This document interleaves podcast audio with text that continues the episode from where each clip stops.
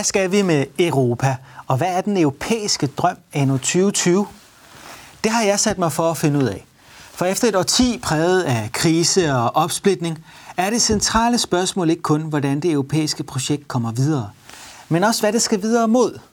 Det undersøger jeg i serien Eurotopia. Sammen med markante gæster vil jeg i denne programrække genopdage Europa og formulere visioner for fremtiden. Hvert program afsluttes med, at jeg i fællesskab med gæsterne formulerer visionen som en tese for fremtidens Europa. På den måde samler serien i alt 10 teser i manifestet Eurotopia. Og i dette program har vi fokus på markedet. For dannelsen af det indre marked er en af de væsentligste europæiske bedrifter. Men hvilken rolle skal det indre marked spille i det 21. århundrede? Det diskuterer jeg med mine to gæster. Mit navn er Christian Folager. Velkommen til. Og også velkommen til mine to gæster. Anne Steffensen, direktør for Danske Rederier, og Brian Mikkelsen, direktør for Dansk Erhverv. Brian, hvad laver du i Dansk Erhverv, eller hvad laver I i Dansk Erhverv? Hvad laver jeg i Dansk Erhverv? Det er et godt spørgsmål. Nej, altså, man kan sige, at Dansk Erhverv er jo en interesseorganisation, både som erhvervsorganisation og arbejdsgiverorganisation. Ja. Og vi repræsenterer cirka 16.000 forskellige virksomheder, altså alt lige fra handel til IT, øh, til life science. Øh, det er ligesom vores opgave at hjælpe dem med deres interesser på arbejdsgiverdelen og på erhvervsdelen. Ja, over for for eksempel Christiansborg, det kan men også for over for EU. EU har vi også kontorer ja. nede med ja. fire ansatte, øh, ja. og det er klart, det er en meget væsentlig del at, at det er udøve indflydelse for virksomhederne, fordi EU betyder mere og mere for lovgivningen, øh, for implementering af forskellige regler for vores virksomheder. Og han øh, danske rædderier, hvad, hvad laver I? Jamen, øh, vi er ligesom Dansk Erhverv, så er vi også en øh, arbejdsgiver- interesseorganisation. Vi øh, har bare alle rædderierne i, i Danmark som vores medlemmer. Og, og rædderierne er jo i virkeligheden kendetegnet ved at operere internationalt. Så 95 procent af alt, hvad vi laver i danske rædderier, det foregår uden for Danmark. Og 75 procent foregår uden for EU. Men det betyder ikke, at EU ikke er vigtigt for danske rædderier. Det er det. Derfor har vi også et kontor i, øh, i EU, fordi der kommer rigtig meget lovgivning og regulering fra EU, som også påvirker os.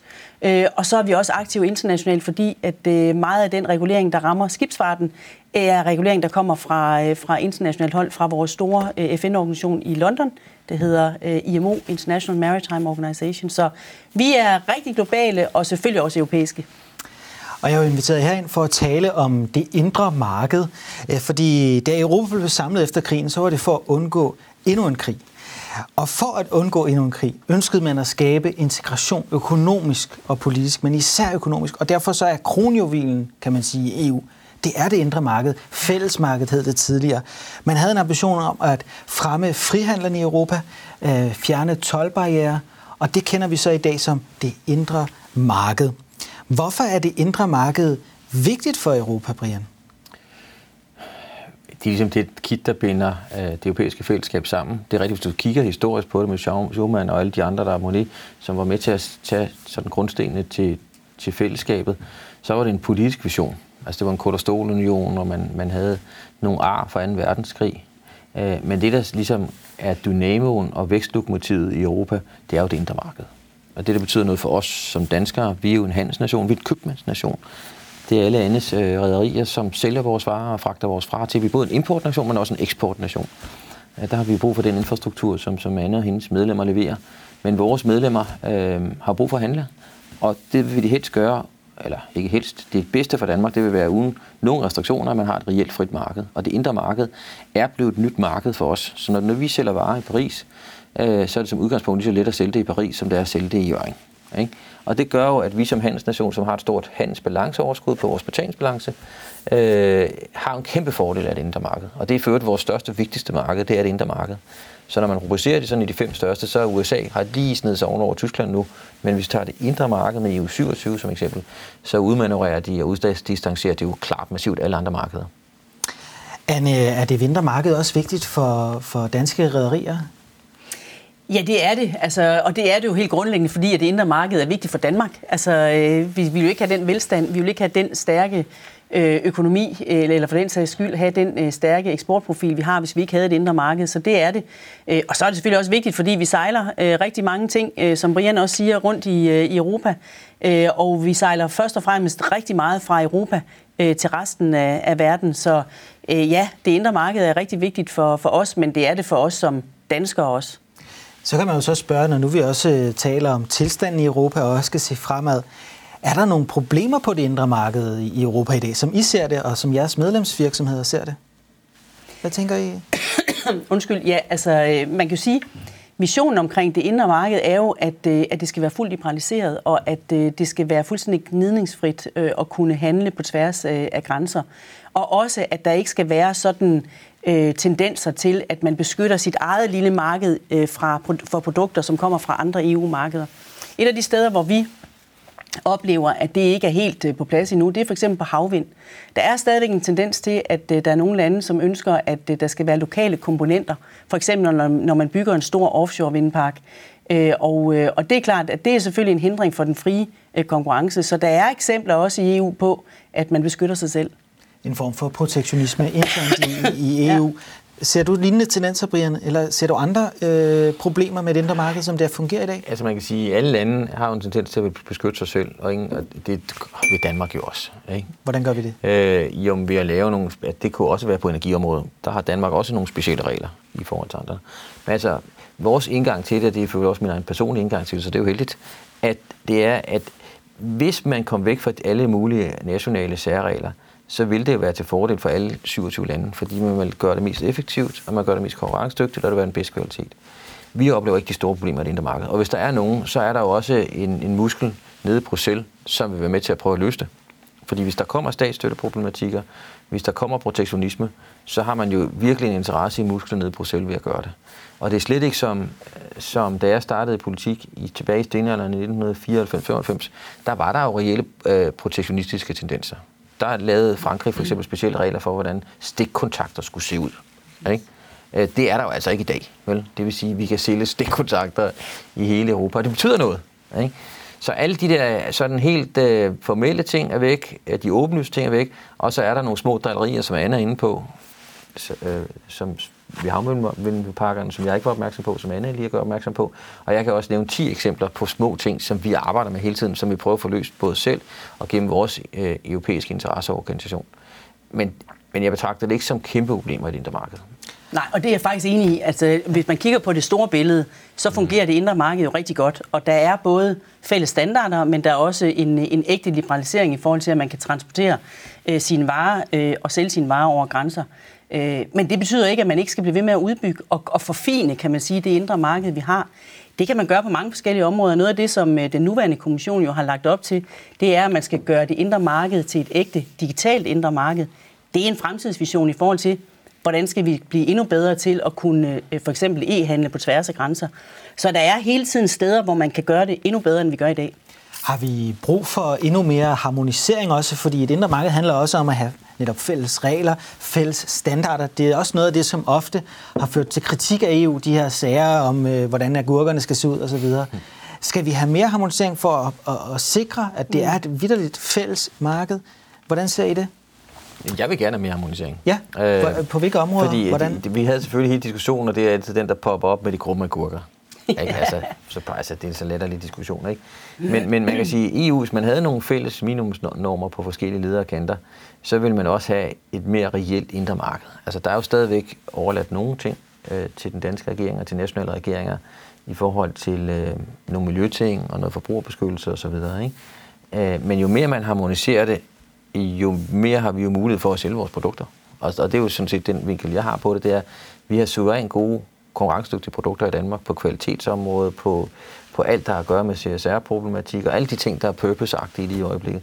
Så jo flere øh, normer, der vil være i EU, jo nemmere vil det være at sælge danske varer rundt omkring. Og hvis man fik løftet bundniveauet hele EU, skal vi også hæve standarderne? Er det også et, en mulighed for Europa til at fremme bestemte politiske mål, altså bedre miljøbeskyttelse for eksempel, så vi også på den måde sikrer, at det indre marked værner europæiske virksomheder, som lever op til vores standarder, mod konkurrence fra andre dele af verden, hvor man producerer på en helt anden måde. Altså hvis man EU 27 konsensusakter kunne blive om det, så er det fint for os. Ja. Altså, hvor øh, vi, vi har sådan nogle principper i forhold til ikke at gå ind på skatteudskrivning og andre ting, ikke? men hvis man i EU 27, og den danske regering er jo med i EU 27 konsensusaktivt, synes, at det er en fornuftig måde at løfte nogle forskellige niveauer ofte er vi jo i Danmark langt foran alt med EU, fordi de, de andre lande, der halter bagefter os. Så vi vil, vi vil altid have interesse i at hæve minimumsniveauerne. Der er, jeg kan ikke komme på det eneste område, hvor vi har lavere niveau end, end i de andre e, 26 lande i EU øh, på, på næsten alle områder, forbrugerbeskyttelse, miljø osv. Så, videre, ikke? så vi, vi har jo altid interesse i at løfte niveauet. Det giver bedre konkurrencemuligheder for vores virksomheder.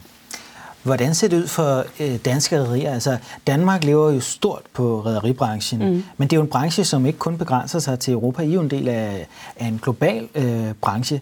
Hvor meget betyder det indre marked egentlig for, for danske rædderier eller for rædderibranchen i Europa? Jamen det betyder, øh, som jeg sagde før, at, øh, at der er en, øh, en, en vækst øh, og, og dermed også en, øh, en sammenhandel i Europa, som vi dels er en del af, fordi vi også transporterer en del af den handel øh, på, vores, øh, på vores skibe øh, inden, for, øh, inden for EU. Øh, men det betyder også, at jo stærkere og rigere EU bliver øh, ved at handle med hinanden, jo øh, stærkere bliver vi også som, øh, som region i forhold til at eksportere til resten af verden. Der er der også øh, transport i det for, øh, for os. Øh, og så må man bare sige, at øh, på vores område, øh, der øh, er der et, øh, altså et, et generelt, øh, kan man sige, interesse i, at vi, vi sikrer, at, øh, at Europa bliver så stærk, som vi overhovedet kan blive, øh, i forhold til at være en region, som for eksempel øh, arbejder på at sikre, at man har gode frihandelsaftaler med andre dele af verden, øh, så vi ikke lukker os om os selv. Og jeg tror, en af de ting, som vi øh, skal være opmærksom på, det er, at selvom vi har verdens største, øh, kan man sige, øh, gnidningsfri øh, samhandel i, øh, i, øh, i, i Europa, øh, så skal vi stadigvæk være åbne over for også at handle med, handle med resten af verden. Og jeg tror faktisk, at det at have et stærkt indre marked gør, at vi også får nogle stærke virksomheder, som kan øh, klare sig øh, globalt. Skal, skal EU også have flere frihandelsaftaler? Det har man jo sat på de seneste år. Skal vi lave flere af den slags aftaler med, med nye regioner i verden? Ja, jo ja, flere jo bedre. Hvor altså, vi får, skal vi der have vores standarder ind i de aftaler? Det vil være fint. Altså hvis man nu kan vi se de sidste par stykker, der har været med Japan, Kanada og Sydkorea, har været kæmpe, kæmpe, kæmpe, kæmpe gevinst ja, for danske virksomheder. Jo, men det er fordi, vi er meget nemmere for at sælge vores produkter der. Altså, jeg har lige været og kigget på Japan, som jeg har haft nogle relationer til. Jeg har lige haft møde med deres ambassadør, fordi vi laver et fremstød i Japan nu her. Øh, og den sidste aftale, der lavede EU og Japan imellem, giver kæmpe mulighed for mange af vores virksomheder. Det er jo nuancer, men det betyder, at der bliver lettere adgang til nogle mere restriktive protektionistiske markeder. Jeg er rigtig ærgerlig over, at man ikke kom igennem under Obama med TTIP, altså med en, mm. med, med en europæisk, øh, amerikansk handelsaftale. Øh, alle handelsaftaler, mest mulig internationalisering og globalisering, er til fordel for Danmark og danske virksomheder. Igen, vi er en købmandsnation. Ikke? Vi lever af at handle frem og tilbage. Så hvis man fjerner restriktionerne, yes, det er til fordel for Danmark. Det er jeg helt enig i. Det er du helt enig i, ja, Anne? Ja, fuldstændig. Altså, fuldstændig. Der er ikke nogen tvivl om, at, øh, at vi, øh, vi står stærkt, øh, hvis det er sådan, at vi er i stand til at lave frihandelsaftaler med resten af verden. Og man kan sige, at EU har jo mulighed for nu at spille en helt særlig rolle, fordi at der er så store øh, nationer som for eksempel USA øh, og Kina, som, øh, som trækker i nogle andre retninger, øh, hvor vi har brug for, at, øh, at EU bliver ved med at forfægte en, øh, en frihandelsdagsorden, øh, og i øvrigt også en, en dagsorden om, at der skal være sådan en regelbaseret øh, global øh, handel, øh, blandt andet i vores øh, internationale handelsorganisation WTO. Så, så EU har en rolle at spille her i forhold til at være dem, der går foran for at åbne op for handel, øh, også med resten af verden. Fundamentet under det indre marked, det er de fire friheder øh, i EU, altså frihed for varer, kapital, tjenesteydelser og øh, arbejdskraft. Hvis vi ser på de fire friheder, så er øh, Danmark jo med i et Hansestadsinitiativ, kalder man det, eller en Hanse-liga af nordeuropæiske lande, som prøver at gå sammen i den økonomiske politik, og et af initiativerne er blandt andet at styrke det indre marked på serviceområdet, altså tjenesteydelser. Hvorfor er det nødvendigt? Altså, vi halter, altså hvis man kigger på det, så det område, hvor vi halter mest bagefter, det er på hele serviceydelsesdiskussionen. Og det er servicedirektivet. Der har vi ikke den, det samme indre marked. Nej. Øh, altså, men arbejdskraftens fri bevægelighed, den er der. Ja. Ikke? Og det er til kæmpe fordel for hele Europa, og det er også til kæmpe fordel for Danmark. Altså den befolkningsgruppe, som bidrager mest til det danske samfund, nu vil folk blive overrasket, når de ser det her, det er ikke etniske danskere, det er polakker. Altså, der kommer ser, til Danmark ja, som du ser, ikke? Ja. Så, så det, det er jo kæmpe gevinst for os. Så det er bare et eksempel. Ikke? Ja. Arbejdskraftfri billede har det godt. Det er egentlig også for tjenester, men, men, det, men for serviceydelser, der har vi stadigvæk nogle restriktioner og noget byråkrati og nogle problemer. Og det handler om noget, der hedder servicedirektivet, øh, som, som stadigvæk kalder lidt bagefter. Øh, og hvorfor vil det betyde noget? Jo, fordi serviceydelser er en meget stor del af det, Danmark også kan. Så det er jo ikke bare hardcore vindmøllerne eller noget af den stil, vel? Men det er jo også nogle services, som vi leverer frem og tilbage, og der betyder det noget, at man, man får det implementeret. Så er du, er du enig i det? Er det et godt initiativ? Er det også i øvrigt et godt initiativ, at de nordeuropæiske lande går sammen i den økonomiske politik i EU og prøver at påvirke det indre marked i en retning, som er mere liberal, kunne man sige? Altså, ja, jeg er helt enig med, med Brian, og ja, altså den måde, man også bevæger øh, EU i den rigtige retning på, er jo ved at indgå forskellige alliancer. Og det her, det er jo et øh, eksempel på en, øh, en nordeuropæisk øh, alliance, hvor man har nogle fælles tilgange, som måske kan være med til at bevæge resten af EU i den rigtige retning. Så, så det er en helt almindelig arbejdsmetode i, og, øh, at der er nogen, der går sammen i at, at forsøge at skubbe tingene i en, øh, i en bestemt retning. Øh, og jeg er helt enig. Altså, tjenesteydelser udgør en stadig større del af vores øh, økonomi, øh, og også af vores eksport og dermed samhandel. Så der er ikke nogen tvivl om, at det, at det skal vi også prøve at liberalisere så meget vi kan. Nu nævnte du øh, digitalisering tidligere, mm. Anne, og det er helt sikkert, det er jo noget det, kommissionen øh, satser på. De satser også på at lave et indre marked for energi og et indre marked for, øh, for kan man sige, forsvarsindustrien. Altså, kunne der være andre initiativer, som vil være relevante at prøve at arbejde på at forbedre det indre marked indenfor? Visse sektorer eventuelt? Der er ikke nogen budlinje her nu, men altså alt for vores vedkommende, som, som skaber reelt indre marked, vil være positivt for Danmark, for erhvervslivet, for beskæftigelsen og for velfærden i Danmark. Altså, men der er ikke sådan aktuelle problemer, du sådan synes, det skulle vi ikke også noget, som ud over hele service øh, tjenesteområdet, øh, som, som øh, vi kan se, hvor der er en bakke, vi lige skal bestige lige nu. Ja. Man kan i hvert fald sige, at på, altså det synes jeg, det er jo noget af det, som vi har set her under covid-19, ikke, hvor e-handel har fået en, en kæmpe opblomstring. Øh, og der er ikke nogen tvivl om, at, øh, at ambitionen om at lave et digitalt indre marked, hvor man for eksempel også øh, får nedbrudt nogle af de barriere, der er for e-handel på tværs af grænser, for forbrugere, men også for virksomheder, som ja. bliver stadig stærkere på e-handel, er en af de ting, som jeg tror, at, at vi kan bevæge os fremad på, men som vi sådan set også har, har brug for at udvikle yderligere på i de, i de kommende år. Og det vil gavne ikke mindst nogle af Brians medlemmer, som, som er stærke på e-handel, men det ville hele taget gavne øh, forbrugerne i, i EU, hvis det er sådan, at man ikke har barriere i forhold til, at hvis man kører noget på en britisk, eller nu er britterne måske ikke medlem af EU så længe, men så en fransk, eller hvad det nu måtte være for en øh, e-handelsportal, at der så er problemstillinger i forhold til at få varerne øh, med eller uden øh, moms, afgifter eller på anden måde til, øh, til det land, man nu øh, bor i. Så, så på det område tror jeg, der er en, et, et, et kæmpe øh, potentiale. Og så tror jeg også, der er et kæmpe potentiale i forhold til, at, øh, at man i... Øh, altså i Danmark er vi jo langt fremme på digitale offentlige tjenester. Altså, der er jo ingen af os, som ikke kan tilgå offentlige øh, myndigheder via øh, øh, e-mail eller øh, få øh, ting øh, øh fra offentlige myndigheder via vores nem idé osv. osv. Vi er langt foran mange europæiske lande, og det at få det bredt ud også vil gøre, at, øh, at EU vil blive endnu stærkere som, øh, som sådan en, en digital øh, supermagt i, i verden. Og det har vi brug for, fordi det også er med til øh, at gøre, at vi øh, kan være med, øh, også når det er sådan, at vi skal konkurrere øh, med, med resten af verden. Nu nævnte du Brexit, og vi kom jo ind, Danmark, ja, i uh, EU, uh, EU, fordi Storbritannien skulle ind i samarbejdet, og vi vil jo gerne blive ved med at handle med dem, og selvfølgelig også handle med, med tyskerne. Nu, går, nu træder britterne ud. Hvad for en aftale skal EU lave med dem? Øh, og skal de straffes, eller skal vi holde dem tæt på os? Og hvordan skal det indre marked fremadrettet forholde sig til en lignende situation, hvor et stort land ønsker indrømmelser, ændringer, som de andre ikke kan gå med til? Er det en for stor omkostning at lade et land som Storbritannien træde ud for at stå fast på eksempelvis den frie bevægelighed, som er en af de fundamentale friheder i, i det indre marked, som Angela Merkel nægtede at gå på kompromis med, selvom David Cameron tikkede og bad i overvis, og han lykkedes ikke med det. Han kunne ikke få et kompromis. Han fik en ordning, hvor man kunne øh, have noget med syv år, eller, men den frie bevægelighed stod fast. Var det, var det en fejl, og hvordan skulle vi forholde os i en lignende situation fremadrettet? Anne var ambassadør på det tidspunkt. Skal vi ikke lige starte med Anne omkring, øh, hvordan... Øh, jeg vil gerne, jeg har mange meninger om det, fordi ja. jeg synes, det var en kæmpe fejl. Men, men, men, men Anne var ambassadør, hun ved rigtig meget om det, så vi ja. starter lige med Anne. Så skal vi starter med Anne. Ja. Okay. Jamen, øh, jamen, det var en kæmpe fejl, fuldstændig enig. Det var en kæmpe fejl, at, øh, at, lade dem, at lade dem træde ud. At lade dem træde ud, og, og, det, og, det, og det er kommet så vidt. Så vi skulle øhm, have gået på kompromis? Nej, det, det, det skulle man ikke, men, øh, men, men man kan sige, at, øh, at det var... Øh, altså, det er jo ikke en fejl på EU's side, men, men set med EU's øjne, så er det bare skidt, at, at så stort et land som, som Storbritannien forlader EU. Og det er jo selvfølgelig svært at sige, at det er en fejl, fordi det blev om man så må sige, besluttet af den, den britiske befolkning. Så, det det. så på den led, så er det jo en demokratisk beslutning, som man er nødt til at respektere.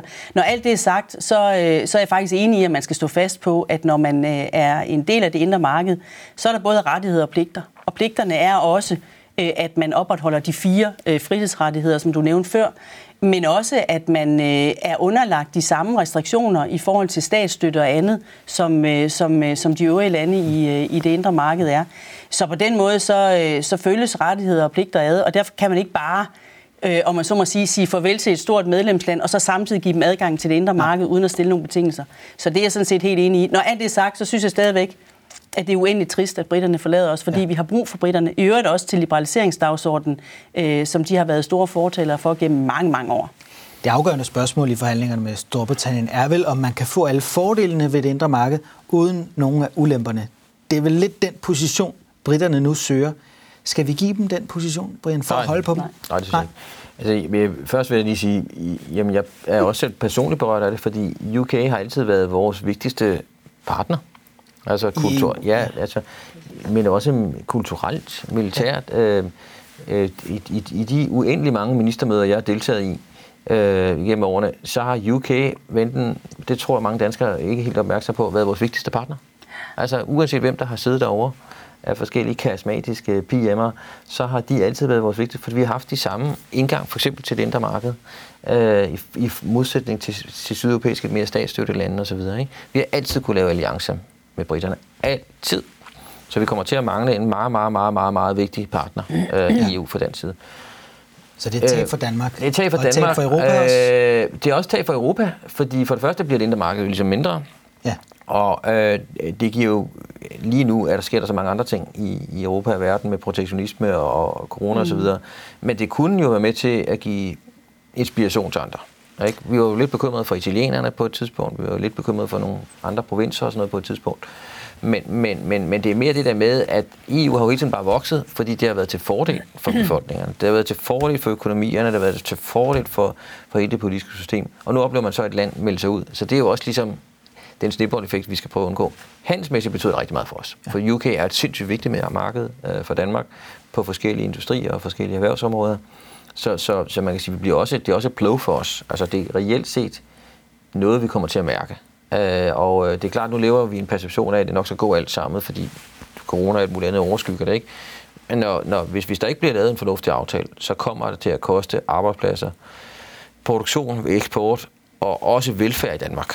Fordi ja. det er så vigtigt et marked for os. Og det finder vi jo ud af her i løbet af efteråret, hvad ja. der kommer til at ske. Her til sidst så vil jeg også tale lidt om øh, de nye vinde, der blæser i verden, fordi protektionismen øh, mm. spreder sig. Vi ser også stigende international konkurrence, og vi ser også, at man i Europa er udfordret af statsstøttede virksomheder fra det, som nogen kalder statskapitalistiske lande, herunder jo især Kina. Og øh, under coronakrisen her har de begyndt at opkøbe europæiske virksomheder. Vi har en stor diskussion i Europa om, vi skal, mm. om vi skal beskytte os mod den form for konkurrence. Nogle kalder det unfair konkurrence, ikke mindst fordi vi ikke nødvendigvis har samme adgang til deres markeder, som de har eller har haft til vores europæiske markeder. Skal man bruge det indre marked til at sætte et værn op om Europa i forhold til den type konkurrence? Sikre, at den er mere fair og sige, hvis Kina vil handle med os, så skal vi også have lov til at handle med dem i Kina og have samme adgang til deres markeder. Hvad tænker du, øh, Anna? Jamen, altså, der er jo ikke nogen tvivl om, at vi, øh, vi er udfordret, og den diskussion har også været i, øh, i EU øh, i, igennem de sidste par år, altså om vi er for naive i forhold til at lade andre få adgang til vores indre marked, uden at vi har den tilsvarende adgang til, til deres. Øh, og jeg synes, at, øh, at det er helt øh, fint øh, også at kigge på, om man kan sætte nogle begrænsninger, eller i hvert fald være opmærksom på, om der er nogen, der kommer ind. Dels så opkøber vores virksomheder, øh, men også opkøber øh, kritisk infrastruktur eller, eller andet, eller byder på offentlige opgaver, hvor øh, der er statsstøtte i ryggen på de virksomheder, som gør det, så det i virkeligheden er unfair konkurrence i forhold til vores egne virksomheder. Det man bare skal passe på, det er, at vi ikke selv hopper i sådan en protektionistisk grøft, og at det går over gevind. Så der er en hård, fin balance mellem på den ene side og sørge for, at det er færre konkurrence, når, når der kommer nogen ind uden for det indre marked og vil være, ind, og være en del af vores marked. Men omvendt, så skal man heller ikke øh, øh hvad hedder det, øh, gå, gå for, for, for, for må, hårdt til værks. Vi må godt sætte nogle øh, større, højere Helt krav, men vi skal ikke have to handelsblokke i verden, en vestlig og en kinesisk. Nej, det nej. tror jeg ikke, der er nogen, der vinder med. Altså, som Brian rigtig sagde øh, tidligere i, øh, i vores samtale her, altså alle vinder på handel, alle vinder har vundet øh, på øh, og, øh, at kunne øh, udveksle øh, varer med hinanden. Øh, og derfor så er det ikke en, øh, en løsning at blive mere protektionistiske, både her øh, og i virkeligheden også i, øh, i Kina eller USA, eller hvor det nu er henne.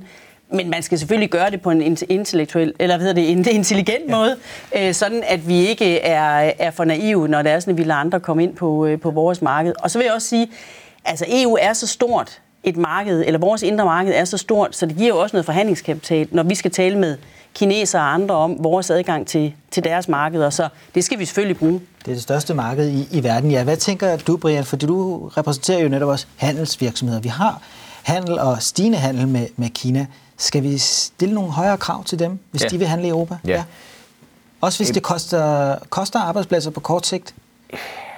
Altså, man kan sige, det som er en uskik lige nu, øh, politisk, både hos Trump og i Kina, og i sig også i Europa, øh, det er jo ligesom, at man bygger nogle, nogle øh, mure op i forhold til protektionistiske, øh, retoriske sådan statements. Ikke?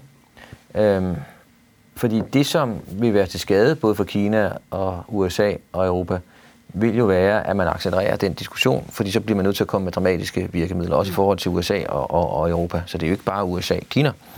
Øhm, og han kan jo risikere at vinde, Mr. Trump. Øh, og så kan det jo ligesom accelerere. Man skal heller ikke tro, at alt er bare godt, hvis Joe Biden vinder. Fordi Joe Biden repræsenterer også noget America First. Ikke? Så, så verden forandrer sig ikke så på den måde. Men der må vi ligesom komme med noget empiri og noget økonomi, som viser, at det er jo til fordel også for amerikanerne, at der bliver frihandel. Øh, og det har det jo altid været. Det har jo også løftet USA, det har løftet hele verdens befolkning, at vi har haft en globalisering og noget frihandel. Vi bliver nødt til at være mere hårde. Altså, jeg støtter fuldstændig præsident Trump i forhold til hans agerende over for Kina. Fordi de, de, de har ligesom tilsidesat alle de regler, internationale spilleregler, vi har i WTO, øh, og ligesom ignoreret dem, og ligesom bevidst bare trampet hen over dem. Så derfor er det vigtigt, at vi bakker op omkring øh, fuldstændig fair level playing fields, øh, sørge for, at man overholder de spilleregler, der er med international handel, og der bliver man nødt til ligesom at spille et pres på det i forhold til kineserne. Øh, hvad kan man så gøre? Jeg tror ikke, man skal ud i en handelskrig for at vise dem det, fordi de har også brug for hele tiden at, at vokse. Ikke? Man skal sige, vi har nemlig, som Anne siger, en ret stor bargain position, fordi det er en stærk økonomi i Europa. Ikke? Øh, men vi bliver nødt til at have nogle, nogle voksne samtaler med kineserne og amerikanerne om, at det er jo til fordel for alle i hele verden, at man fjerner de barriere. Så vi skal være en slags mellemmand mellem amerikanerne det kan være, vi skal og, være og, ambassadører. Ambassadører, ja. ja. Med her. lad, os, uh, lad os slutte med det, fordi uh, inden I kom ind uh, her, så har jeg jo også bedt jer om at byde ind med en vision for det indre marked. Jeg har så forfattet en syntese, og den kommer så til at være en del af det her manifest, som vi samler med den her serie. Spændende. Og nu vil jeg så læse den op for seerne her afslutningsvis. og ordene lyder. Europa blev samlet for at undgå krig og ødelæggelse. Det var imidlertid ikke våben, som skulle sikre freden, men handel på et fælles europæisk marked. Det indre marked er således kronjuvelen i det europæiske samarbejde. Det sikrer vækst og velstand i hele Europa. Vi europæere skal dog fortsat udvikle samarbejdet om det indre marked og værne om vores egne europæiske interesser. For globaliseringen har medført unfair konkurrence fra statsstøttede virksomheder, som underbyder markedet i Europa – det må og skal vi finde svar på i det 21. århundrede, så protektionismen ikke spreder sig internt i Europa. Drømmen er fortsat et integreret indre marked, hvor virksomheder frit kan sælge deres varer og ydelser. Et hjemmemarked for hele Europa med næsten en halv milliard mennesker, som skaber fremgang og udvikling for alle europæere. Og med de ord vil jeg sige tak, fordi I kom. Anne Steffensen fra Danske Rederier og Brian Mikkelsen fra Dansk Erhverv. Og også tak, tak til seerne derude for at uh, have fulgt med. Husk, at vi snart er tilbage med en ny vision for Europa her på kanalen.